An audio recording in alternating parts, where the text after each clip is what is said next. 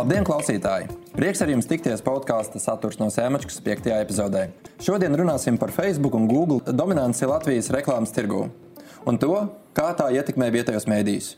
Dēlā studijā šodien viesojas Latvijas Reklāmas asociācijas vadītāja Baiba Liepiņa. Labdien! Un akcijas sabiedrības Delfi direktors Konstantīns Kuzikovs. Labdien! Jā, sveiciens jums abiem! Pirms mēs sākam sarunu par Facebook un Google, lūdzu jums abiem noprecizēt, kāda ir reklāmas tirgus situācija šobrīd. Pēdējais gads izklausās visai dramatisks. Pieaug tehnoloģija gigantu loma, plosās Covid-19 pandēmija. Visam vēl klāt Krievu valodas kanāla slēgšana, kas vēl vairāk samazina iespējamos uh, reklāmas izvietojumus. Cik slikti šobrīd ir? Varbūt tieši ļoti labi. Es labprāt sāktu ar Liepiņas kundzi. Jā, jūs jau nosaucāt galvenās lietas, tiešām, kas ietekmējušas uh, iepriekšējā gada rādītājus un arī šī, šo, šī gada pirmā pusgada uh, datus. Jā. Nu, protams, uh, nekādu tādu ļoti labu pazīmju nav. Jā. Uh, tirgus nav atguvies uh, no tā krituma, kas bija pagājušajā gadā. Kaut kādas pieauguma pazīmes ir pret iepriekšējo gadu, pusgadu, bet nu, tikai tāpēc, ka uh, tur bija tas kritums. Jā. Faktiski mēs joprojām esam mīnusā. Uh, Un tas galvenās lietas jūs jau iezīmējāt. Jā, viena no galvenajām lietām ir Covid. Kad, protams, tiek bremzēta ekonomika, mums viss, teiksim, veikali bija bremzēta, ekonomika tika bremzēta, un, bet loģiski, jā, reklāmas tirgus lielā mērā um, ir vienā solī ar patēriņu. Jā, un, un, ja tas tiek bremzēts, tad, protams, arī reklāma bremzējās, un bez tam arī bija uh, konkrēti ierobežojumi tieši uh, attiecībā uz reklāmu šīs ārkārtas situācijas laikā, jā, mm, lai cilvēki nepulcētos jā, attiecībā uz reklāmas akcijām. Tas ietekmēja, protams, ļoti negatīva ietekme tieši bija mm, Krievu kanāla aizslēgšanai ciet, jā, kas notika pašā gada sākumā ļoti negaidīti. Jā. Tas bija ļoti pēkšņs lēmums. Un, un, un faktiski šādi pēkšņi lēmumi vienmēr ir negatīvām sekām, jo, jo tev ļoti īsā brīdī ir jāpārorientē jau plānotās investīcijas. Uh, uz kaut kādiem citiem kanāliem. Ja? Jo skaidrs tas, ka reklāmas devēja grib sasniegt cilvēkus, ja? tur, kur viņi būs sasniedzami. Ja virkni kanāla aizstājas cieta, viņiem ātri jāatrod alternatīvas. Ja? Un tādas reālas alternatīvas televīzija tirgū nav. To pierādīja TNS dati. Kantar, kantar dati, ja, kas Kantars pēta šos te televīzijas auditorijas. Nu, loģiski, ka uh, reklāmas devējiem nācās uh, meklēt alternatīvas izvēles, kas bija digitālajā kanālā faktiski. Ja. Uh, Vide un žurnāli kaut kādā mērā, jā, bet nu, vide un žurnāli nevar aizstāt uh, video reklāmu, teiksim, audiovizuālo reklāmu, kas ir televīzijā. Līdz ar to tad, tad lielā mērā, un to arī pasaka reklāma devēja, ja, un arī mediju aģentūras, ja, ka nauda no, aizplūda faktiski uz digitālajiem kanāliem. Nu, tā, tā mēs arī redzam, ja, tā, tās, tos faktorus, ja, kas ietekmē. Klausoties, ietekmēt, ja. klausoties veikalnieks, konkrēti veikalu ķēdi tops Klāt tiek pieminēts arī iekšējie komunikācijas kanāli. Viņi šobrīd nopietni domā arī par, piemēram, radio, kas skan pašās veikala telpās, par avīzīti, ko viņi paši izdod, un no tādiem nopietnākiem, kas ir plašs saziņas mēdī kanāliem, arī interneta portāls. Līdz ar to man ir dabiski jāpēriet pie Konstantina. Pie tevis es neprasu šobrīd tieši par portālu Delfi tikai, bet par internetu portāliem kopumā. Nu, visu šī uzskaitījuma, ko mēs ar Liepiņas kundzi tikko nu, nosaucām, kas vismagāk varbūt ir traucējis un aizkavējis portāla darbību? Nu, es netiku teikt, ka portālam bija slikti. Tieši otrādi, internetam bija ļoti labi. Jo, ja pirms gada, vairāk nekā pirms gada, mārta, neviens nezina, ko darīt un kad darīt, un kampaņas bija atceltas visas kanālos, tad principā mēs tagad zinām sekošu situāciju, ka ok, mums jau trešais uh, lockdown un tā tālāk. Un es varu pateikt par to, ka mēs vispār nejūtam, kā kādi reklāmdevēji noņem reklāmas kampaņas. Tāpēc, ka viņi saprot, kāds nebūtu lockdown, internets vienmēr būs. Tas nākamais jautājums, kāds ir internets, jo mēs runājam par internetu, mums nedrīkst aizmirst Facebook un Google. Un tikai pēc tam mēs varam runāt par uh, vietējiem spēlētājiem. Kāpēc Google un Facebook? Tāpēc, ka principā ir vienkārši standartizācija. Kā ar vienu banerīti tu varētu izvietot viņu visur, uh, Un vēl viena lieta, tad, kad tu šo baneru izvietoji, tad tas pats cilvēks, kas sēž Rīgā, viņš varētu atvērt tur, nezinu, New York Times vai, vai, vai vienkārši kaut kādu tur. Krievijas tur filmu skatīties, viņu tur kinoteātros un tā tālāk, bet viņš redzēs reklāmu tieši latviešu valodā, tāpēc ka viņu šajā gadījumā targetē, ka viņš ir no Latvijas. Un tāpēc tas, tas apjoms, ko viņi var piedāvāt, tas saucams reklāmas inventārs, ir daudz lielāks, tāpēc ka visa pasaule. Un viņi šajā gadījumā netargetēja tieši pēc tā, ka šim saturam jābūt latviešu valodā. Viņi vienkārši targetē pēc reģiona. Tāpēc interneta portāliem ir labi. Es, varu, es zinu, ka visiem trim spēlētājiem, tādiem kā Delphi, Evenēt un Inbox, visi iet uz augšu. Vai tas iet vēl tālāk uz augšu? Es nedomāju. Es nedomāju, ka tāda paša pieauguma ir nezinu, kādiem maziem spēlētājiem, jo internetu vide ir ļoti unikāla ar to, ka pirmais trīnieks paņem visu. Un tur jau pirma, līderis vispār paņem gandrīz pusi no tirgu un tā tālāk, kas offline vide nav tā izteikti. Kas mainījās salīdzinot ar pandēmijas sākumu? Jo pandēmijas sākumā arī šis lielais trīnieks teica, ka mums priekšā ir krīze. Bet šobrīd ir labi. Kas ir mainījies? Mainījies daudz kas, jo divas lietas notika. Pirmā lieta, ka atnāca pietiekami daudz jaunu reklāmdevēju, kas agrāk nebija ja mēs runājam par top veikalu, es nezinu precīzi, vai viņi ir jau Delfos vai nav. Bet es pieņemu, ka viņi vienkārši priekš sevis atvēra to visu. Bet, ja mēs vēl tagad vēsturiskajiem atpakaļ, tad tā problēma bija sekojuša, ka ļoti sen, pirms jau desmit gadiem vai cik tur, tad, kad MTG grupa nopirka LNT, mēs mākslīgi iesaldējām savas, savu inflāciju reklāmu. Un bija gadi, kad Latvijas vidē tēriņi uh, uz vienu iedzīvotāju neauga, tad, kad Lietuva un Igaunija gāja uz augšu. Un tagad šīs televīzijas faktors gandrīz ir noņemts. Viņš ir noņemts ar to, ka vairs nav uh, tas, tas, tas ierobežojumi, ko uh, kontrolis, valsts kontrole pateica, ne konkursu padome pateica tieši MTG grupai. Bet nākamais, ka uh, sabiedriskā mēdīja nav televīzijas, nav krieva kanāla, ok, nauda televīzijas reklāmai palika, kur viņi ieguldīta. Un, godīgi sakot, tuvākais tam visam bija internets kāds internets, arī nezinu par YouTube, ka ļoti daudz šogad izauga YouTube saturs Jā. un tā tālāk. Un tas YouTube nav obligāti uh, latviešu vārdu ražots. Tāpēc tā nauda pavirzies, viņa loģiskāk nekā, piemēram, Igaunija jau sen interneta daļa. Kopīga reklāmas tirgi ir lielāka par televīziju. Mēs joprojām turējamies pie 45, bet es godīgi sagaidu to, ka šogad uh, televīzijas tirgus daļa samazināsies. Iespējams, ka būs jau 40, iespējams, ka būs pat mazāk bet internets izaugs. Epins, kundze, jūs gribētu iepriekš papildināt? Jā, es, es gribēju papildināt par to, ko jūs teicāt par to topu izvēli. Jā, protams, nu, mm, iekšējais, tele, iekšējais teksim, veikala radio tā vienmēr ir izvēle, bet realtātē tā jau ir ļoti ierobežota izvēle, jo tu sarunājies faktiski tikai ar saviem lojālajiem pircējiem. Jā. Tā kā, šādas lietas, protams, var darīt, un viņas ir jādara, ja, bet nu, teiksim, konkurencē neiztikt bez mēdījiem, komunikā, kā komunikācija kanāliem, tā skaitā šiem visiem minētajiem digitālajiem, ja, un, un arī televīzijas radio. Ja. Tāpēc nu, ar tiem vien nevar aprobežoties ja, šajā situācijā. Nu, Konstants jau vispār pateica, ja, kā ir. Es, es pilnībā pievienojos. Ja. Tā, tā problēma tiešām ir tāda. Viņš pareizi noraksturoja arī par cenām. Ja ka mums tieš, tiešām ir ļoti zems šis te, mm, investīciju uz vienu iedzīvotāju. Ievērojami mēs atpaliekam no Igaunijas, no, Lie un, un, no Lietuvas arī drusku. Kā tur bija? 39 bija gan Lietuva, gan Latvija, bet Lietuva ir lielāka, tāpēc ka vēl viens miljons. Igaunija vispār bija 73. Jā. Uz vienu iedzīvotāju tikai ir. Nu, tagad krīzē nokritās, ja, bet ar visu to mēs skatāmies, ka tas izaugsmes potenciāls ir. Ja. Mm. Mūsu problēma, protams, ir cita mazliet arī, ja, ka mums tas īpatsvars šiem globālajiem ir ļoti milzīgs. Ja. Un, un, nu, Ko mainīja vai nemainīja sabiedriskā mēdīja iziešana no reklāmas tirgus? Jo skatoties no malas, šķiet, ka nu, es vienkārši iedzīvotājs klausos ziņas, ka sabiedriskais mēdījis iziet no reklāmas tirgus. Tā tad ir jauna nauda, kas droši vien pāriet pie komercmedijiem. Kāpēc jūs sūdzaties? Nu, faktiski jau tā domāt bija diezgan utopiski, jā, jo, jo sabiedriskām mēdījām bija šī auditorija, šī tā, nu, mazliet vecākā auditorija. Un, un, Viņa tad, tad ļoti labi ir sasniedzama tur, bet komerciālo mēdīju jomā viņu nav nemaz tik viegli sasniegt. Ja? Un ir limiti. Ja, teiksim, nu, mm, komerciālajos radio nu, jāpapūlās ļoti. Ja? teiksim, komerciālās televīzijās var, jā, bet, ja krievu kanāls aiztaisa ciet, jā, tad arī nu, nu, ir, ir ļoti, ļoti daudz limitu, jā, faktiski. Jā. Un bija jau sākotnēji skaidrs, ka jā, iespējams, ka šī daļa no naudas aizies uz uh, uh, Almīdija Latvija grupu, jā, kas loģiski. Jā.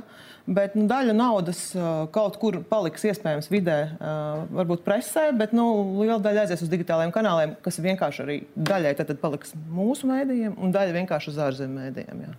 Bet, tā kā mēs, piedod, es, pabeigšu, tā kā mēs nevaram nomonitorēt ārzemju mediju nu, precīzi, ja? mm. mums ļoti grūti pateikt, kur tieši aizgāja. Ja, taksim, nu, kādu reklāmu devēju, kas bija stabilie sabiedrisko mediju reklāmu devēju nauda. Ja? ja mēs runājam tieši par ārzemju digitālo daļu, ja pa lokālajiem mēs vēl varam identificēt jau kaut ko. Tas ir ļoti grūti vai neiespējami? Nu, uz ārzemju neiespējami. Mums jau nedod datus neviens ja, par to. Bet vai varētu dot? Nē, nē, viņa ne, nē viņa tas, tas, tos datus nevarēs iegūt nekad. Jā, es par šo jautājumu pirms dažiem gadiem jau pateicu, ka es biju viens no tiem reitiem, kurš kliedza, ka to nedrīkst darīt. Tāpēc, ka pirmkārt, sabiedrisko mediju daļa kopīgajā reklāmas īpašumā nebija liela, un viņi dabūja daudz vairāk no tā. Mēram, cik liela piedod? Nu, ja es nemaldos, ka kurai vismaz uh, tos ciparos, ko man ir pieejami, televīzija daļa bija kaut kur ap 3,5 miljoniem no 45 kopīgiem. Radžiņš, uh, Latvijas radio arī, jo viņi nebija fokusēti uz reklāmu, būsim realisti. Un tad, kad viņi vienkārši aizgāja, viņi uzreiz dabūja ļoti daudz. Nē, es, man, man, man, man mazliet viedoklis atšķirās varbūt, no, no mm -hmm. Konstantīna, bet, bet tas ir tā, ka es faktiski uzskatu, ka aiziešanai bija, jā, lai aiziešana dotu pozitīvu efektu, būtu devusi pozitīvu efektu, tam bija jānotiek desmit gadus atpakaļ. Tajā mirklī, kad nebija vēl pārdots LNT. Jā. Jo, jo patiesībā uh, faktiski iepriekšējā krīze lielā mērā ja, izraisīja to, tās sekas, ja, kuru Jā. dēļ LNT tika nu, pār, pārpirkts. Ja. Mm. Ja, ja teiksim, Latvija būtu gājusi to ceļu, ko izvēlējās Igaunija pirms daudz vairāk gadiem atpakaļ, kad izveda ārā sabiedriskos mēdījus no mm. reklāmas tirgus. Tur bija garas diskusijas par to, ka tajā laikā komerciālajie mēdīji būt, burtiski sametās, ja, kā to sauc, un mm. no, nokompensēja šo starpību. Uh, Uh, sabiedriskiem mēdījiem, uh, kad viņi gāja no tirgus ārā. Un vēlāk, mm, tad, kad iestājās krīze, valdība pieņēma lēmumu, ja, ka faktiski komerckanāliem vairs nav pienākumu kompensēt. Ja. Līdz ar to uh, viņi Igauni, Igauni to izdarīja sen, un viņiem vienkārši bija cita situācija. Mēs vilkām, vilkām, vilkām. Jā, es, es uzskatu, ka, nu, ka tomēr še, šajā situācijā mēs baigi neko neieguvām. Mēs ieguvām varbūt vienīgi to mm, nosacīto mieru, ja, ka beidzās šī kā, rīvēšanās starp sabiedriskiem mēdījiem un komercmedijiem. Ja, es, esošajā situācijā, kad naudas no reklāmas ir nepietiekamas. Jā. Ka reklāmas ienākumi nevis aug tik strauji, kā vajag. Bet, nu, viņi... Jā, un vēl viena lieta ir tāda, ka, ja mēs domājam par to, ka reklamdevis sēž un domā, ka viņam pārdala budžetu, viņš to nedomā. Jo lielāki budžeti nāk no starptautiskiem kompānijām, kā Procter Gamble, Unilever un tā tālāk. Viņš skaitās, skaita ļoti vienkārši. Cik man ir jāmaksā par vienu lietotāju, par vienu skatītāju un tā tālāk. Tajā brīdī, kad viņam skatās, ok, man bija televīzija pieejama, pieņemsim, tur 100 tūkstoši cilvēku, un tagad man būs pieejami 50 tūkstoši cilvēku. Es nemaksāšu par tiem otriem 50 tūkstošiem divas reizes vairāk. Es tur jau samaksāju, kāpēc man vajag vēl viņu jāpārmaksā. Nav nekādas jēgas. Esmu priecīgs, es šo naudu paņemšu nost Iespējams, ka kādu daļu es atdošu Google un Facebook, lai viņi varētu man kompensēt šo auditoriju zaudējumu, bet visticamāk, es viņu vai ieguldīšu citu mārketinga kanālu, tas vairs nav reklāma. Tas, kā mēs redzam, piemēram, Rīgā ir L'Oreal digitāla ekrāna kurš viņu reklamē savu produktu. Un tur vai vēl kas ir vēl viena būtiskākā atšķirība starp Latviju un Igauniju, piemēram, par to, ka zīmoli investē mārketinga, bet tas nozīmē, ka nevis investīcijas notiek tieši reklāma, bet atlaide. Jo tev, tas ir marķina budžets. Tev vienalga, vai tur atnāks ar naudu un pareklamēsies Delfos vai kaut kur citur, vai tu vienkārši pienāksi pie Rīgas maksimas vai kādu pārdevēju un pateiksi, nu, vai es tev vienkārši atlaidīšu lielāku. Nē, nu, tur, tur, protams, mārketinga paņēmieni un metodas ir vesela rinda. Ja, un, protams, ejot šo ceļu, viņš ir tāds nosacīts īstermiņa pieeja. Ja, šobrīd ļoti daudz tiek diskutēts par to, ka tieši šī īstermiņa pieeja nodara nu, ievērojumu teiksim, kaitējumu zīmoliem. Ja? Ilgtermiņā, mhm. bet nu, šī laikam nav mūsu šodienas tēma. Ja? Tā kā pēc būtības mums ir jārada fonds mazliet tālāk, ir. Faktiski, jā, jā, ir dažādas alternatīvas. Ja? Konstantinam taisnība, mārketinga vadītājs pieņem lēmumu, jo arī mēs jau, mēs jau zinām, ka šobrīd televīzijā pieprasījums pēc televīzijas raidlaika ir lielāks kā piedāvājums. Bet lielajiem reklāmdevējiem nu, ir tā kritiskā masa jau sasniegta. Viņiem, Jā. teiksim, reklamēties, vēl tur palielināt tieši šos reitingu apjomu, nav nekādas jēgas. Ja? Drīzāk tev tad ir uh, racionāli paņemt plap, citus kanālus klāt. Ja? Labi, tad palīdziet man saprast kaut ko. Jūs iepriekš arī minējāt par to, ka nu, primārais, kur varētu aiziet no sabiedriskā mēdīja, ir All Baltica Media. Uh, taču nu, viņu arī šo iespējamo kapacitāti ierobežo likums. Viena lieta, otrkārt, jau, pats, jau esošais piedāvājums līdz šim. Kur tad paliek tas viss, tas reklāmas vienkārši noliktavā stāv plauktiņos un gaida, kamēr varēs ierotēt šajā raidlaikā, vai arī viņi? Viņa, viņa nekur nepaliek, jo vienkārši, ja tu vari pārdot desmit vienības, tad tev stāv 20, tu vienkārši sataisīsi skaistuļu konkursu, kurš samaksās dārgāk.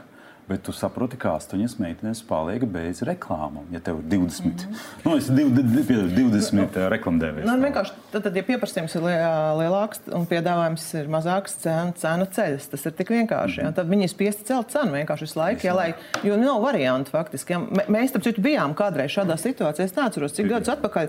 Bet reiz mēs bijām šādā situācijā, kad pieprasījums pēc televīzijas raidlaika bija lielāks kā piedāvājums. Tur faktiski veidojās rindas uz rezervācijām. Ja, tas nav normāli. Ja.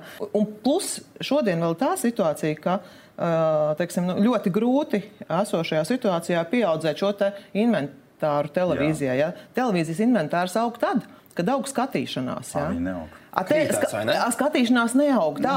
Nu, nu, viņa nu, viņa teiksim, nav tāda tik dramatisks kritums, kā teiksim, mēs vērojam dažus gadus atpakaļ, bet nav iespējams īstermiņā, kā saka, šo pieaugumu dabūt. Ja? Viņiem būtu tas jādara. Mm -hmm. Liepiņas kundze, man lūgums, kas ir jums pieejamie šobrīd dati par šo reklāmas tirgus lielumu Latvijā? Un kāds ir tas salīdzinājums ar to, kādu, kāda šī pīrāga daļa aiziet vietējiem mēdījiem? Un vai mēs zinām, cik daudz tādā paliek pie Facebook un Google?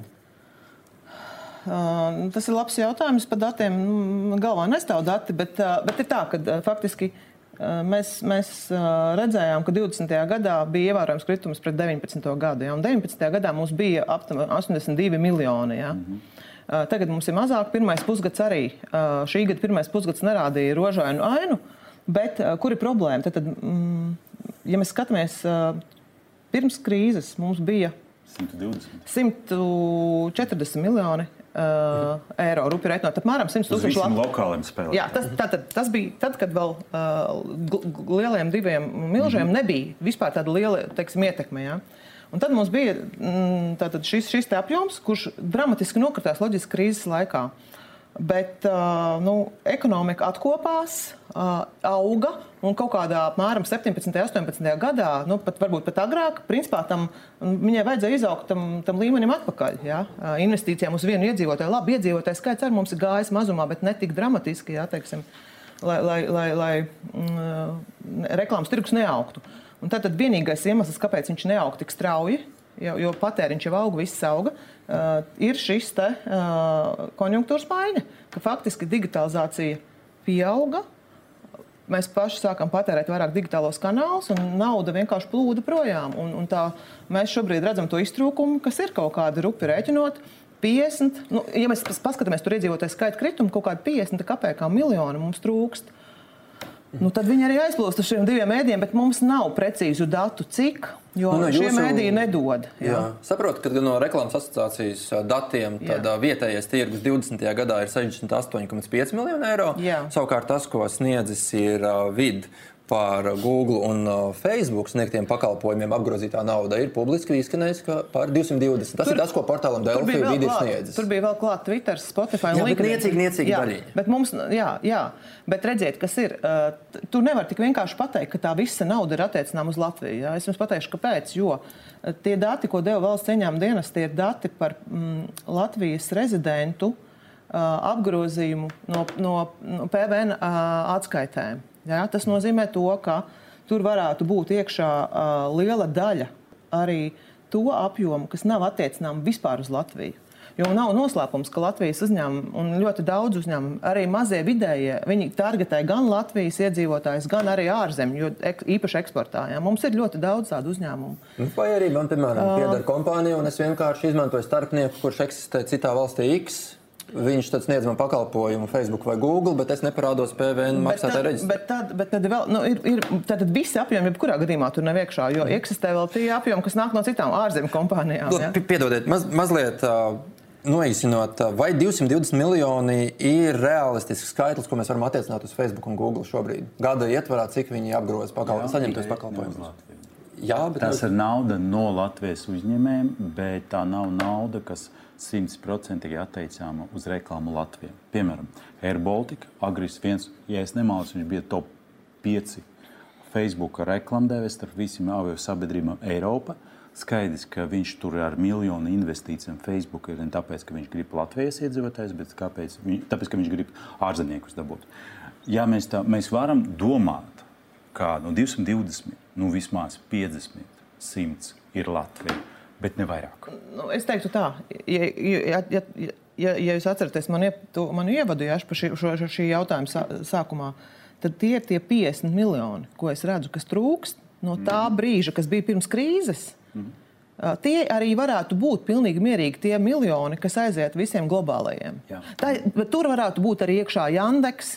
Nu, visi, teiksim, trešo, trešo, trešo valstu, teiksim, vienalga, trešo pušu. Jā. Un viņi saistīti ar, Lat ar Latvijas. Ar Latvijas, jā, jo, jā. jo teiksim, tur, tur, tur tad, tad, visi tie mēdī, kurus patērē Latvijas iedzīvotāji, jā, kas nav reģistrēti Latvijā, faktiski tie būtu tie, es domāju, ka tur 50 kā miljoni pilnīgi droši. Jā.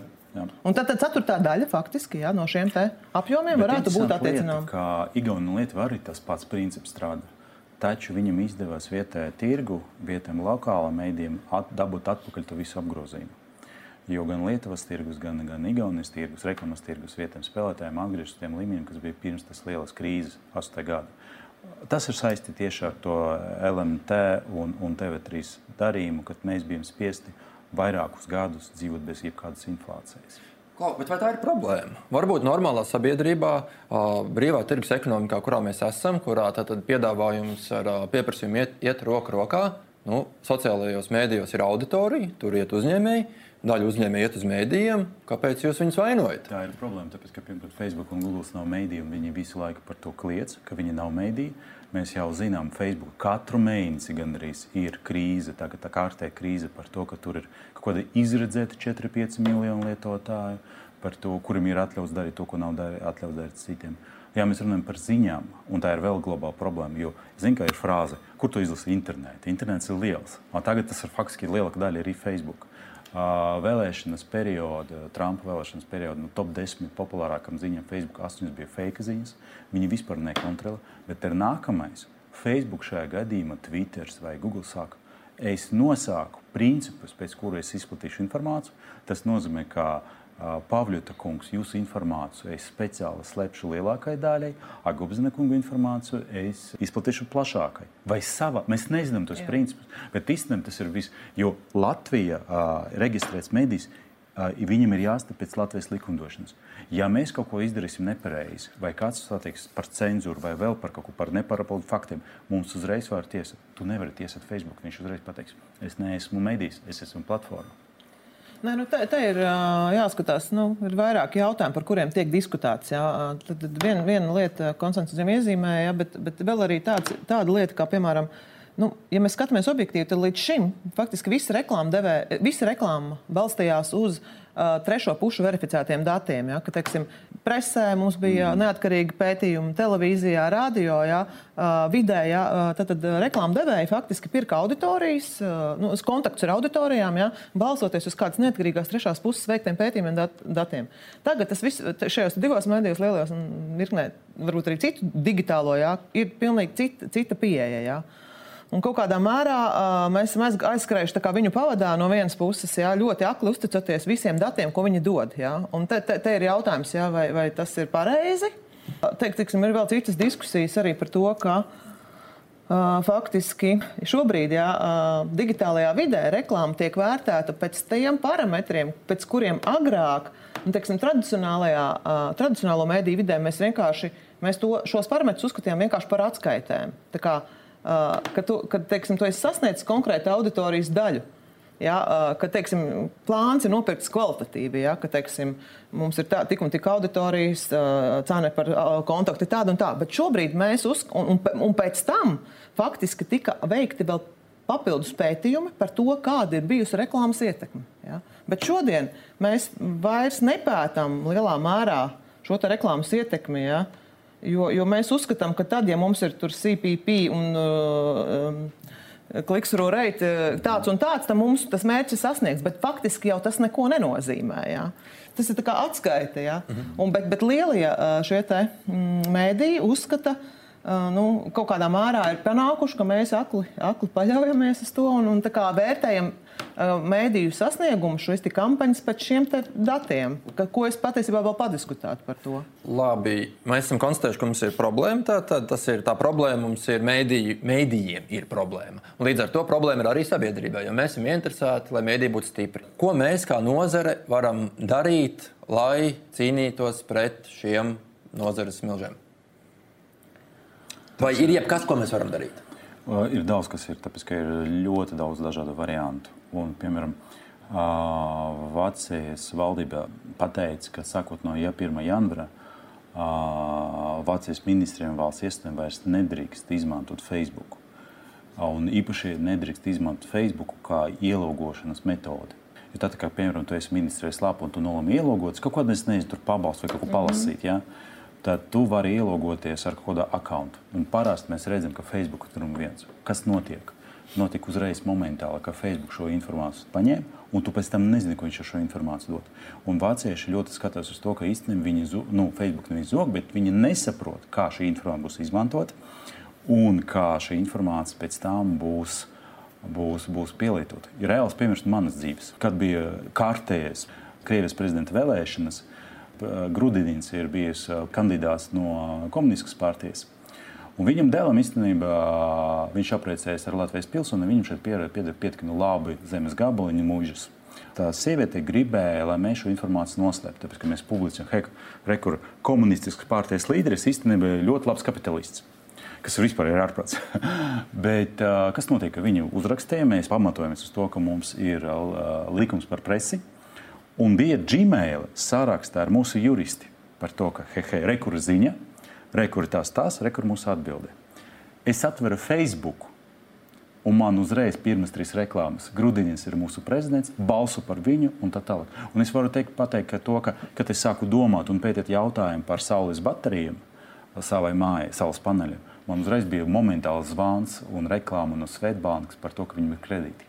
Tā informācija starp Google un Facebook ir nenormāla kursa. Šodien tas ir tikai domāta mērķiem nopelnīt, bet mēs nezinām, viņā šo informāciju var valdības mainīt. Nu, atverot portālu Delfi, es reizēm arī redzu, ka esmu skatījies botus un man piedāvās botus. Arī. Tās ir tā retargetinga reklāma, jo arī šeit sanāk tā, ka mēs no vienas puses runājam par to, ka Facebook un Google ir mūsu šajā gadījumā ienaidnieki, bet no otras puses arī pie mums ir tas saucamais Google uh, banner tīkls, un tāpēc tu to reklāmu redzi. Laba lieta, ko mēs šogad ieraudzījām, ka mums katru gadu mazāk un mazāk tas programmatiskas reklāmas, ka vairāk un vairāk tiešu darījumu ar aģentūram vietējiem vai ar vietējiem klientiem, kas nozīmē, ka drīz tos botus iespējams tu vairs neieraudzīs. Nu, ko es gribu teikt? Jā, es saprotu, kur Facebook un Google spēks zināmā mērā īstenībā radās tajā, ka viņi ļoti veikli spēja nomonetizēt uh, mazos un vidējos biznesus, ja, mm -hmm. ko nevar, mm -hmm. nekad nav izdarījuši lielie mēdīji. Nekad, ja. Tā ir lielo mēdīju problēma. Tā kā no tradicionāla mēdīja problēma, ja, ka uh, es nevaru, es kā mazais tur kafijas šopu īpašnieks, nevaru pieredzēt savu kredītkarti un veikt targetētu reklāmu. Un, un man naudiņa, kaut vai tur maziņa naudiņa, bet viņi aiziet teiksim, konkrētam mēdījam. Latvijas mēdījos tas nav iespējams faktiski, tas ir, bet viņi divos lielajos ir. Un tā, tas varbūt ir pluss mazajiem uzņēmējiem, bet kur es redzu lielāko problēmu šajā viņu sistēmā, vienalga Latvijā vai citas valsts jurisdikcijā esošiem mēdījiem, ir tas, ka faktiski viņi. Nu, ja, ja visi pārējie mēdīji ir nu, spiesti vai vienkārši viņi pakļaujas jurisdikcijai, ja, ievēro likumus, tad faktiski mēs redzam bieži, ka Facebookā ir un Google tāpat laikā arī abos divos ir gan zatas identitātes reklāmas, gan uh, skami, gan krāpšanas. Ja? Viņ, viņi, ja, ja teiksim, normāls mēdījis, uh, viņam, viņam ir atbildība filtrēt, šā, lai šāda reklāma vispār neparādītos ja? un, un nenonāktu līdz reklāmdevējiem, tad šie globālie spēlētāji to vienkārši nedara. Ja? Jo es neticu, ka to nav iespējams izdarīt. Ja? Visticamāk, nu, tad, tad mums mēdījiem ir pienākums to darīt. Būtu jā, jābūt tādiem pašiem pienākumiem arī viņiem to darīt. Ja? Un te ir tā galvenā pretruna, ja, ka uh, lokālajie mēdīji ir vairāk regulēti. Ja? Un, un, teiksim, un, un arī ne tikai tas, ka jau tā mūsu uzmanība un laiks tiek veltīta vairāk Google, Facebook. Bet arī tas, ka mēdīji ir daudz vairāk regulēti lokāli, kad mēs, teiksim, viņi pat nevar paņemt virkni reklāmu, ko tur turpretī var izdarīt globālie. Ja? Teiksim, nu, ir virkni ierobežojumi, ko lokālajie mēdīji nevar.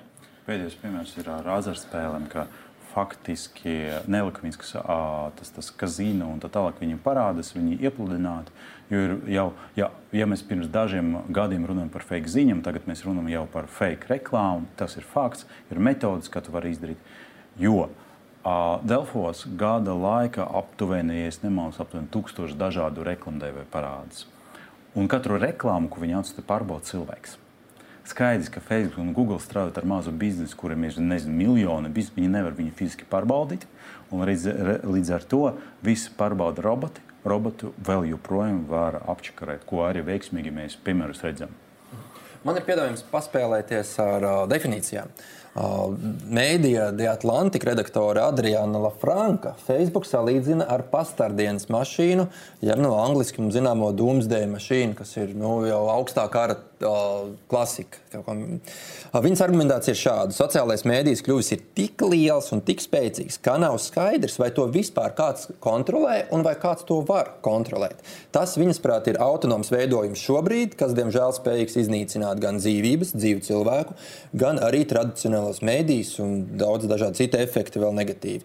Man jautājums jums abiem ir tāds, nu, ja mēs domājam par konkurenci mēdīju, vietējo mēdīju, konkurenci ar Facebook, vai jūs saprotat, ar ko jūs konkurējat? Kas jūsu acīs šajā gadījumā ir Facebook? Tas ir labs jautājums.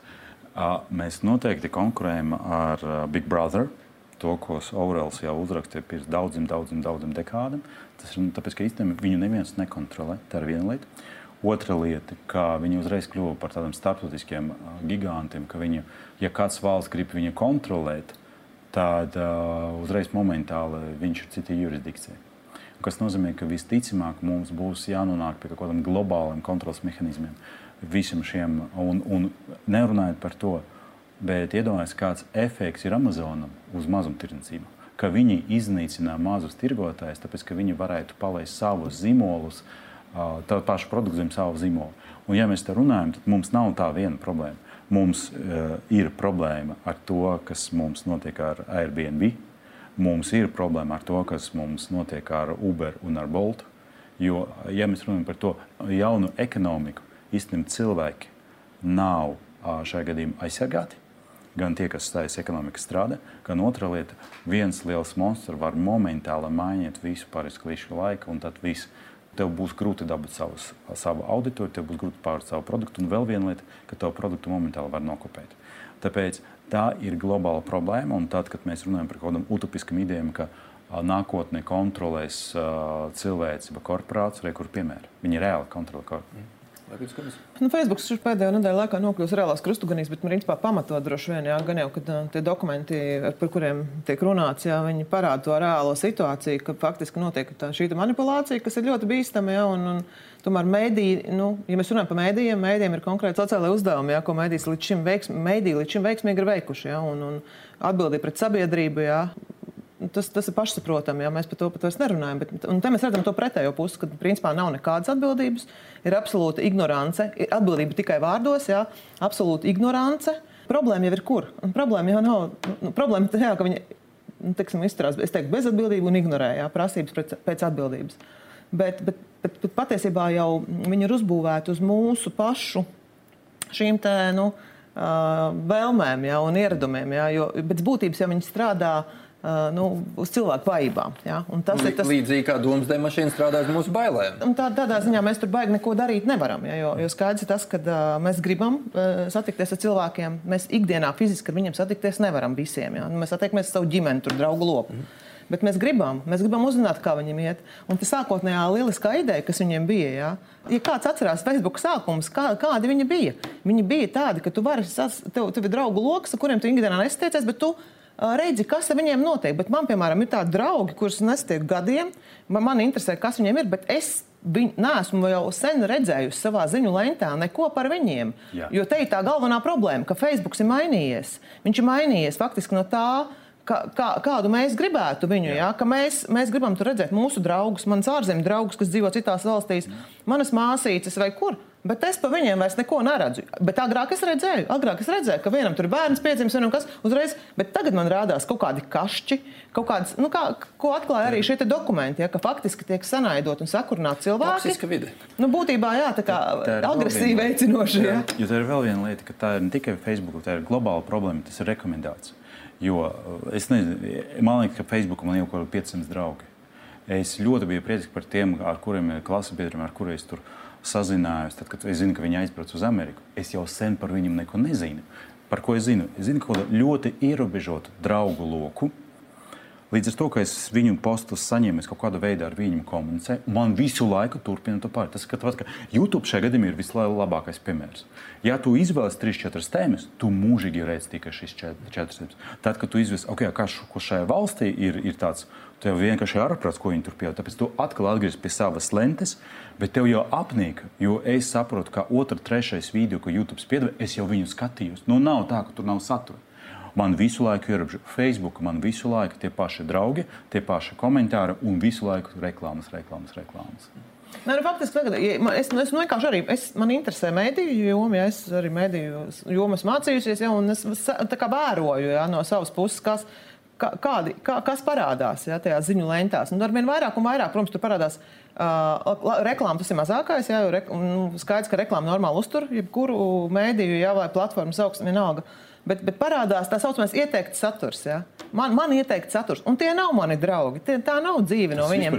Tie ir kaut kādi pilnīgi citi, kaut kādi video, kaut kādi random video par kaut ko. Ja? Uh, jā, ir joki, dažreiz man patīk paskatīties, bet, bet sākotnējā ideja jau bija apvienot cilvēkus, kur ikdienā nesatiekās. Lai, nu, mm, Kā, kāda bija sākotnējā ideja? Ja? Nu, Koledžas draugi, ja? koledžas draugu lokus. Nu. Un, un, un, nu, es saku, tas ir. Tas ir un, mm -hmm. Bet redziet, Viņš ir perfekti uzbūvēts uz to, ka mēs gribam komunicēt, ka mums gribās un ka mums fiziski nav iespēja satikties ar šo mūsu paziņu loku. Tāpēc viņš strādās. Nu jā, un pandēmija tam visam iedeva grūdienu. Protams. Uh, viens jā, nē, jautājums. Vai jūsuprāt, Facebook ir mēdījis? Nē. Nu, uh, es tev varu uzreiz līst ar desmit pierādījumus. Uzreiz dot, bet, nu, Tam toreiz nebūs laika, bet ideja sapratām. Nu, pēc būtības nav. Bet, bet ja viņš, ja Facebook veido faktiski šo saturu, tur ir šī diskusija, kuru. Bet viņš neveido saturu. Bet, bet, bet, bet, tātad, jā, jā, bet, bet te ir tas, ko, ko, par ko es nezinu, tur vajadzētu akadēmiķiem, kas tieši par teorijām runā. Man liekas, ka akadēmiķi aprindās tomēr pastāv uzskats, ka Facebookam uh, ir šā, tādi pati pienākumi pret sabiedrību kā mēdījiem tieši šī iemesla dēļ, ka viņi padod mums saturu. Tad ar algoritmu palīdzību viņi manā ziņu lentā, manā ekrānā padod man saturu. Tas nozīmē, faktiski, ko dara mēdījis. Mēdījis jau būtībā dara to pašu. Mēdījis izvērtē, kāds saturs sabiedrībā ir būtisks šobrīd, jā, izlaiž caur saviem uh, filtriem, uh, caur savu atbildību, caur, caur atbildību pret pastāvošo iekārtu, pret to, lai sabiedrība nesā, lai nesāktos pilsoņu karš. Nu, visas pamatlietas, par ko mēdīs atbildīgs. Ja? Un, un tad viņš kā, dod šos te, šo, šos te, šīs te ziņas mums, lasītājiem, klausītājiem, skatītājiem. Ja? Pēc būtības Facebook ar algoritmu palīdzību dara līdzīgas lietas, bet viņš Viņam ir iztrūkusi šī atbildības uh, Tas ir viena no būtiskākajām mēdīņu definīcijām. Jā. jā, bet es, es, es papildināšu, jo uh, uh, te ir globāla kļūda. Facebook kā radio. Radio neražo dziesmas. Viņu varēja to sataisīt raidījums. Nekādas raidījumus Facebook nerāda. Faktiski Facebook ir playlist. No Delfijas ziņām, no citāvam ziņām, no jebkādam postam. Un jautājums ir tāds, sakārtojot to playlistu, varētu veidot vienu pasauli, var veidot citu pasauli. Un šajā gadījumā, kurš ir tās diriģents vai, vai programmas direktors, kurš veido tas playlistes Un, kāpēc? un viņam ir viena ļoti, kapa, ļoti milzīga kapacitāte. Katrai savai grupai, katram savam lietotājam var būt sava playlist. Un es baidos, ka tur viss ir apkārt. Mēs pamazām algoritmus. Tā ir diskusija, laba diskusija. Jā, bet mums ir vēl daži jautājumi, un īstenībā diezgan daudz jautājumu, bet laiks ir tik, cik ir. Uzrunāšu jūs abus kā šobrīd nozari. Esat jūs viens spēlētājs nozari. Vai jūs esat prasījuši atbalstu valstī, un kāda ir bijusi atbilde? Jā, un ne tik sen. Tā atbilde ir ļoti interesanta, jo uh, valsti neeksistē iedzina ziņu portāls. Tāpēc, tad, kad uh, mūsu kultūras ministrija vai kāda cita ministrija, finanšu ministrija ļoti patīk pateikt par to, ka rekur miljoni, Tāpēc, ka mums vajag krīzes gados atbalstīt mēdījus, mēs rezultātā atbalstam klasiskus izklaides mēdījus, kas ir televīzija un radio. Un ziņu mēdījiem ne, no tā nekā nav. Un tāpēc faktiski gan Delfi, gan TVNēts, gan tikai, tikai ziņu mēdīja, kas online ziņu mēdīja, viņi dzīvo no tā, ko viņam reklamdevēja atnes vai abonenti. Jūs šo atbalstu tādā ziņā prasat tieši pamatojoties ar Facebook un Google reklāmas daļu. Uh, nē, tāpēc ka mūsu politika aprindas vispār nav tāda problēma, ka Facebook un Google atņem naudu, jo tā viņu zināšanas par reklāmas tirgus būs reālisti ļoti vājas. Un vēl kas ir būtiskāks, iespējams, ka tas saistīts vienkārši ar mūsu likumu par to, kā tiek finansētas mūsu partijas, ka viņam vispār nav sarunas vai dialoga ar mēdījiem, jo a, kāpēc ar mēdījiem ir jārunā? Ja es esmu nezinu, veselības ministrs, es tagad Twitterī publicēšu visu, ko es gribu, A, ja man ir vajadzīgi tur nākotnē, lai es būtu pārvēlēts, tad es vēlreiz aiziešu to pašu Twitter un pateikšu, balsot par mani. Visi mēdīņi šajā aprītī ir izņemti. Uh, man liekas, tie fundamentāli mēdīji prasa, un mēs turpināsim prasīt. Ja? Var precizēt, kas ir pēdējā reize, kad konkrēti kādai konkrētai institūcijai ir prasīts atbalsts, jo Facebook un Google ne. neadekvāti liela daļa paņem, mēs ciešam no šī palīdzības. Nevarētu teikt, ka vispār nav. Jā, Nē, faktiski mums prasam. ir mēdīja atbalsta fonds. Jā, par, par portāliem runājam. Mēdīja atbalsta fonds, ir, kurā ir palielināts finansējuma apjoms mēdījiem tieši nākamajā gadā. Ja? Mm. Bet jautājums ir par to, kā šie līdzekļi tiks Jā. sadalīti. Tā. Jā, tāpēc naudas būs vairāk mēdīju atbalstam, bet te ir runa par nosacījumiem, kā, kā, šos, kā šo naudu sadalīs. Uh, viens, otrs ir, tad, tad, ja runā par kopējo atbalstu, tad faktiski šobrīd. Uh, Nu, es skatos plašāk, jā, nu, man vienkārši informācija ir tāda, ka ir pieņemts um, šie te, um, uh, noteikumi, jā, ka uh, no nākamā gada uh, preses izdevumiem būs samazināts PVN uz 5%. Kas, protams, ir labi, bet būtu labi, ja tas, šis PVN būtu samazināts visai arī digitālajai abonēšanai, arī digitālajiem mēdījiem. Jo kas ir svarīgi? Un te, te man liekas, un te, te tas, ko es gribēju teikt sākumā, jā, ka, ka manuprāt, mūsu valdībai pietrūkst, nu, un politiķiem pietrūkst izpratnes par mēdīju lomu. Mm. Un, un mēdīju loma ir ļoti svarīga, jo, jo patiesībā, ja, ja mēs skatāmies arī kaut vai tā paša Facebook kontekstā, Facebook mums, lai gan Facebook sākotnēji, teiksim, tā viņa loma ir tā kā Viņš zināmā mērā ietver šo vārdu brīvības iespēju. Ja? Katrs var runāt, ja? ir brīvi, brīvi iespēja uh, paust savus domas, viedokli bez cenzūras. Teiksim, ja? Bet mēs redzam, ka tas tā īsti nestrādā, ja? ka tur ir daudz zemūdens akmeņu un risku. Tad, tad pēc būtības ja, Facebook nenodrošina šo demokrātiju. Gluži otrādi, viņš tā kā apdraud. Pat mēs tikko paši to konstatējām. Bet mēdīju uzdevums. Ja, faktiski ir mēdīja, ir demokrātija. Mēdīja ir vienīgais veids, kā mēs, kā sabiedrība, varam viens ar otru sarunāties. Un esošajā situācijā, kad nauda nenāk uz mēdījiem, jo reklāmas nauda aizplūst uz, uz, uz Facebook un Google, valdībai ir jābūt tik saprātīgai, ka viņai jāsaprot šī mēdīju loma un jāatbalsta mēdīja. Es, es, es saprotu, ko Konstantīns saka par ziņu mēdījiem, tas ir ļoti būtiski. Bet manā ieskatā būtu svarīgi arī rast atbalstu kaut vai, teiksim, kaut, kādam, kaut kādai izklaidē, jo skaidrs ir tas, ka tu nevarēsi visu laiku tikai ziņas patērēt. Tu vienkārši beigās vairs neko nepatērēsi. Un te arī ir svarīgi tas, ka mēs patērējam mūsu saturu, jo mēs paliekam mūsu šajā informācijas laukā, informācijas telpā, mūsu raidījumos, mūsu filmās un tā tālāk. Mēs neaizējām skatīties krievu propagandas raidījumus, mēs neaizējām skatīties kaut kādus pirātiskos kanālus un tā tālāk. Tas arī ir svarīgi jā, mūsu gan sabiedrībai, gan ekonomikai kopumā.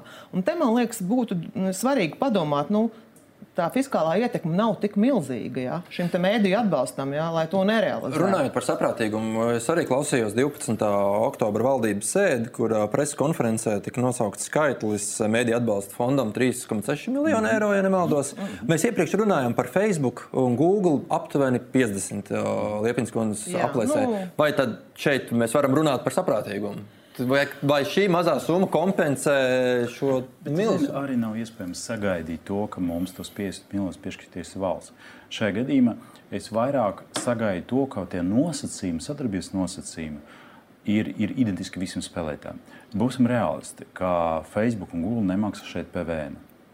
Mēs maksājam, jebkāda reklāma, jebko, ko mēs darām, ir 21%.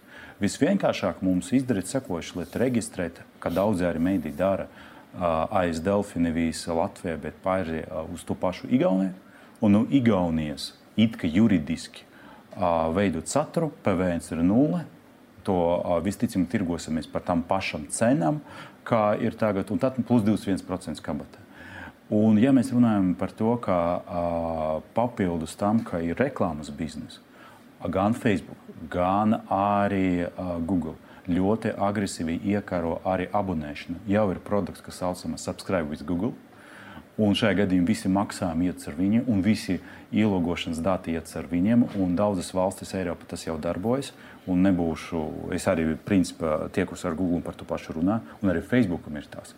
Un, ko tas viss nozīmē? Tas nozīmē, ka vienlaicīga situācija, ja es kādreiz Delfi strādās ar Google, ar to subscribe with Google, tur būs visticamāk nulles PVN. Tur visticamāk būs absolūti citi nodokļi. Un šeit nabadzīgie avīzīti, es nezinu, tur neatkarīgs tukuma ziņām būs joprojām 5, nu tagad 5 drukai un 21 digitāli. Tā kā ir jābūt samērīgiem arī notiek, ja viņi tā var. Kāpēc mums šeit ir jācieš no tā, ka mums ir stingrāka likumdošana, mums par visu jāatskaita, plus vēl klāt mums ir nodokļi? Kas ir primārās valsts institūcijas, ar kurām mēdīņu nozare vēršas pēc palīdzības saistībā ar šo finansējumu iztrūkumu? Man liekas, ka, nu, protams, ka mēs vēršamies pie kultūras ministra. Nu, jāatzīst, mēs daudz prasām, ir jāatzīst, ka viņi daudz ko dara, bet man pēdējā laikā liekas, ka par galveno ietekmi uz visu mūsu industriju nosaka finanšu ministrs. Tā ir. Jā. Nu, kultūras ministrija tiešām dara daudz, jāatzīst, jo viņi ir atbildīgā par mēdīju politiku. Jā. Bet viņai kultūras ministrijai, diemžēl, nav tādas ietekmes. Ja? Un viņiem arī cits, nu, šī brīža situācijā, kad kultūras nozare vispār ir apdraudēta dēļ Covid, ja, tad ir skaidrs, tas, ka nu, nu, prioritāte mēdīja arī ir viena no, ja? bet viņiem citas problēmas, kas jārisina. Bet es domāju, ka tur, tur, tur tiešām būtu jābūt šai fundamentālajai izpratnē par mēdīju lomu un ko mēdī dod demokrātijai, ko mēdī dod valstī. Un tad, ja mēs paskatāmies, nu, teiksim, ļoti vienkārši mēs sapratām, ka jāvelta aizsardzības budžetam 2% no IKP. Mums visiem tas bija skaidrs. Ja? Bet mēs tagad runājam par hib, ka mēs vispār atrodamies hibrīda kara situācijā, ka faktiski arī daļa no interneta un no digitālās telpas ir daļa no kara telpas, ja? Jā. kur notiek karš pa mūsu galvām, ja? pa mūsu domām, pa mūsu rīcību. Jo liet, dienas beigās uh, ir skaidrs, ka komunikācija sākas ar domu ietekmēšanu. Un dienas beigās pareizi komunicēt un nonākt līdz rīcībai. Ja? Te, un te ir tā lieta, ko man liekas īsti līdz galam nesaprot valdība, ka daļa no tā 2% IKP ir jāsāk novirzīt, uh, kas ir domāta aizsardzība tieši uz mēdīju mēdījiem, jo mēdīja ir daļa no mūsu aizsardzības, faktiski daļa no sabiedrības aizsardzības. Bet tas, diemžēl, netiek darīts. Labākais piemērs - 48% pabeidza vakcināciju, pirmo vakcināciju uzsākšu 51%. Tas viss sekas tam, ka par mēdīnu neviens nedomā. Tas ir sekas tam, ka Latvijā visi sapņo par Sputniku. Tas ir sekas tam, ka mums Covid nav, Covid neeksistē. Tā, nu, man ir interesanti uz to autoru paskatīties pēc gada. Vai šis autors eksistēs? Labi. Taisnības labāk, es zinu, Latvijā ne visi domā par Sputniku, bet lai Latvijas kas mūs klausās, neap, neapvainojās. Bet fakts ir tā, ka mūsu, uh, mūsu valsts, diemžēl, zaudēja to komunikāciju par covid, par vakcināciju, un tagad mēs ciešam no tā visa. Labi, pēdējais jautājums. Mēs šodien šeit sēžam Delfu studijā un runājam par Facebook, par draudu. Taču jau pēc nu, rīta vai parīt, kad tiks publicēta šī, šis sarunas ieraksts, mēs viņu izplatīsim Facebook platformā. Vai tā nav kaut kāda schizofrēniska situācija, kurā mēs sadarbojamies ar teroristu?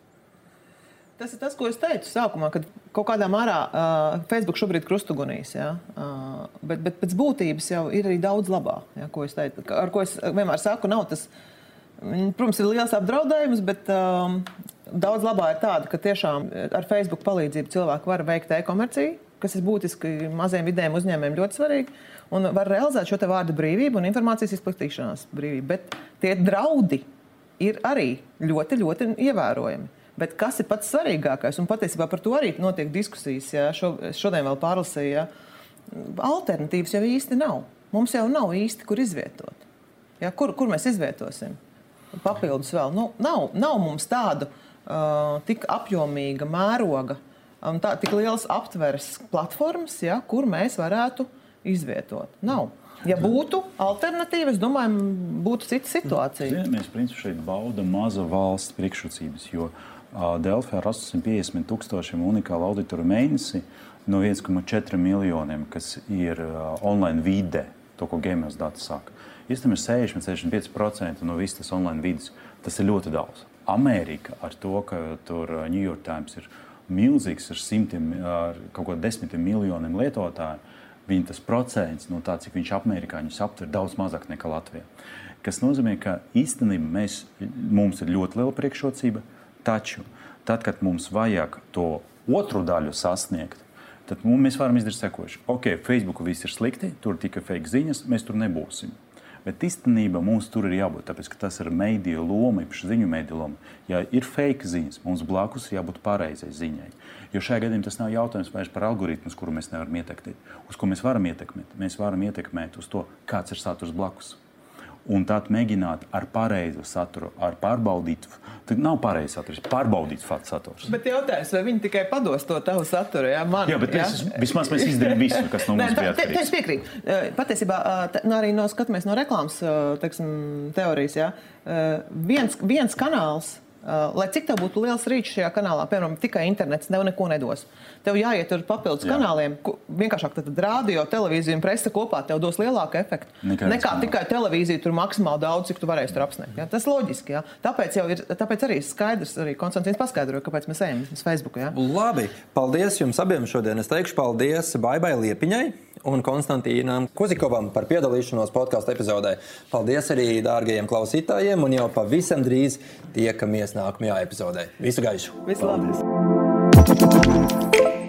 Projektu finansē Mēdīju atbalsta fonds no Latvijas valsts budžeta līdzekļiem.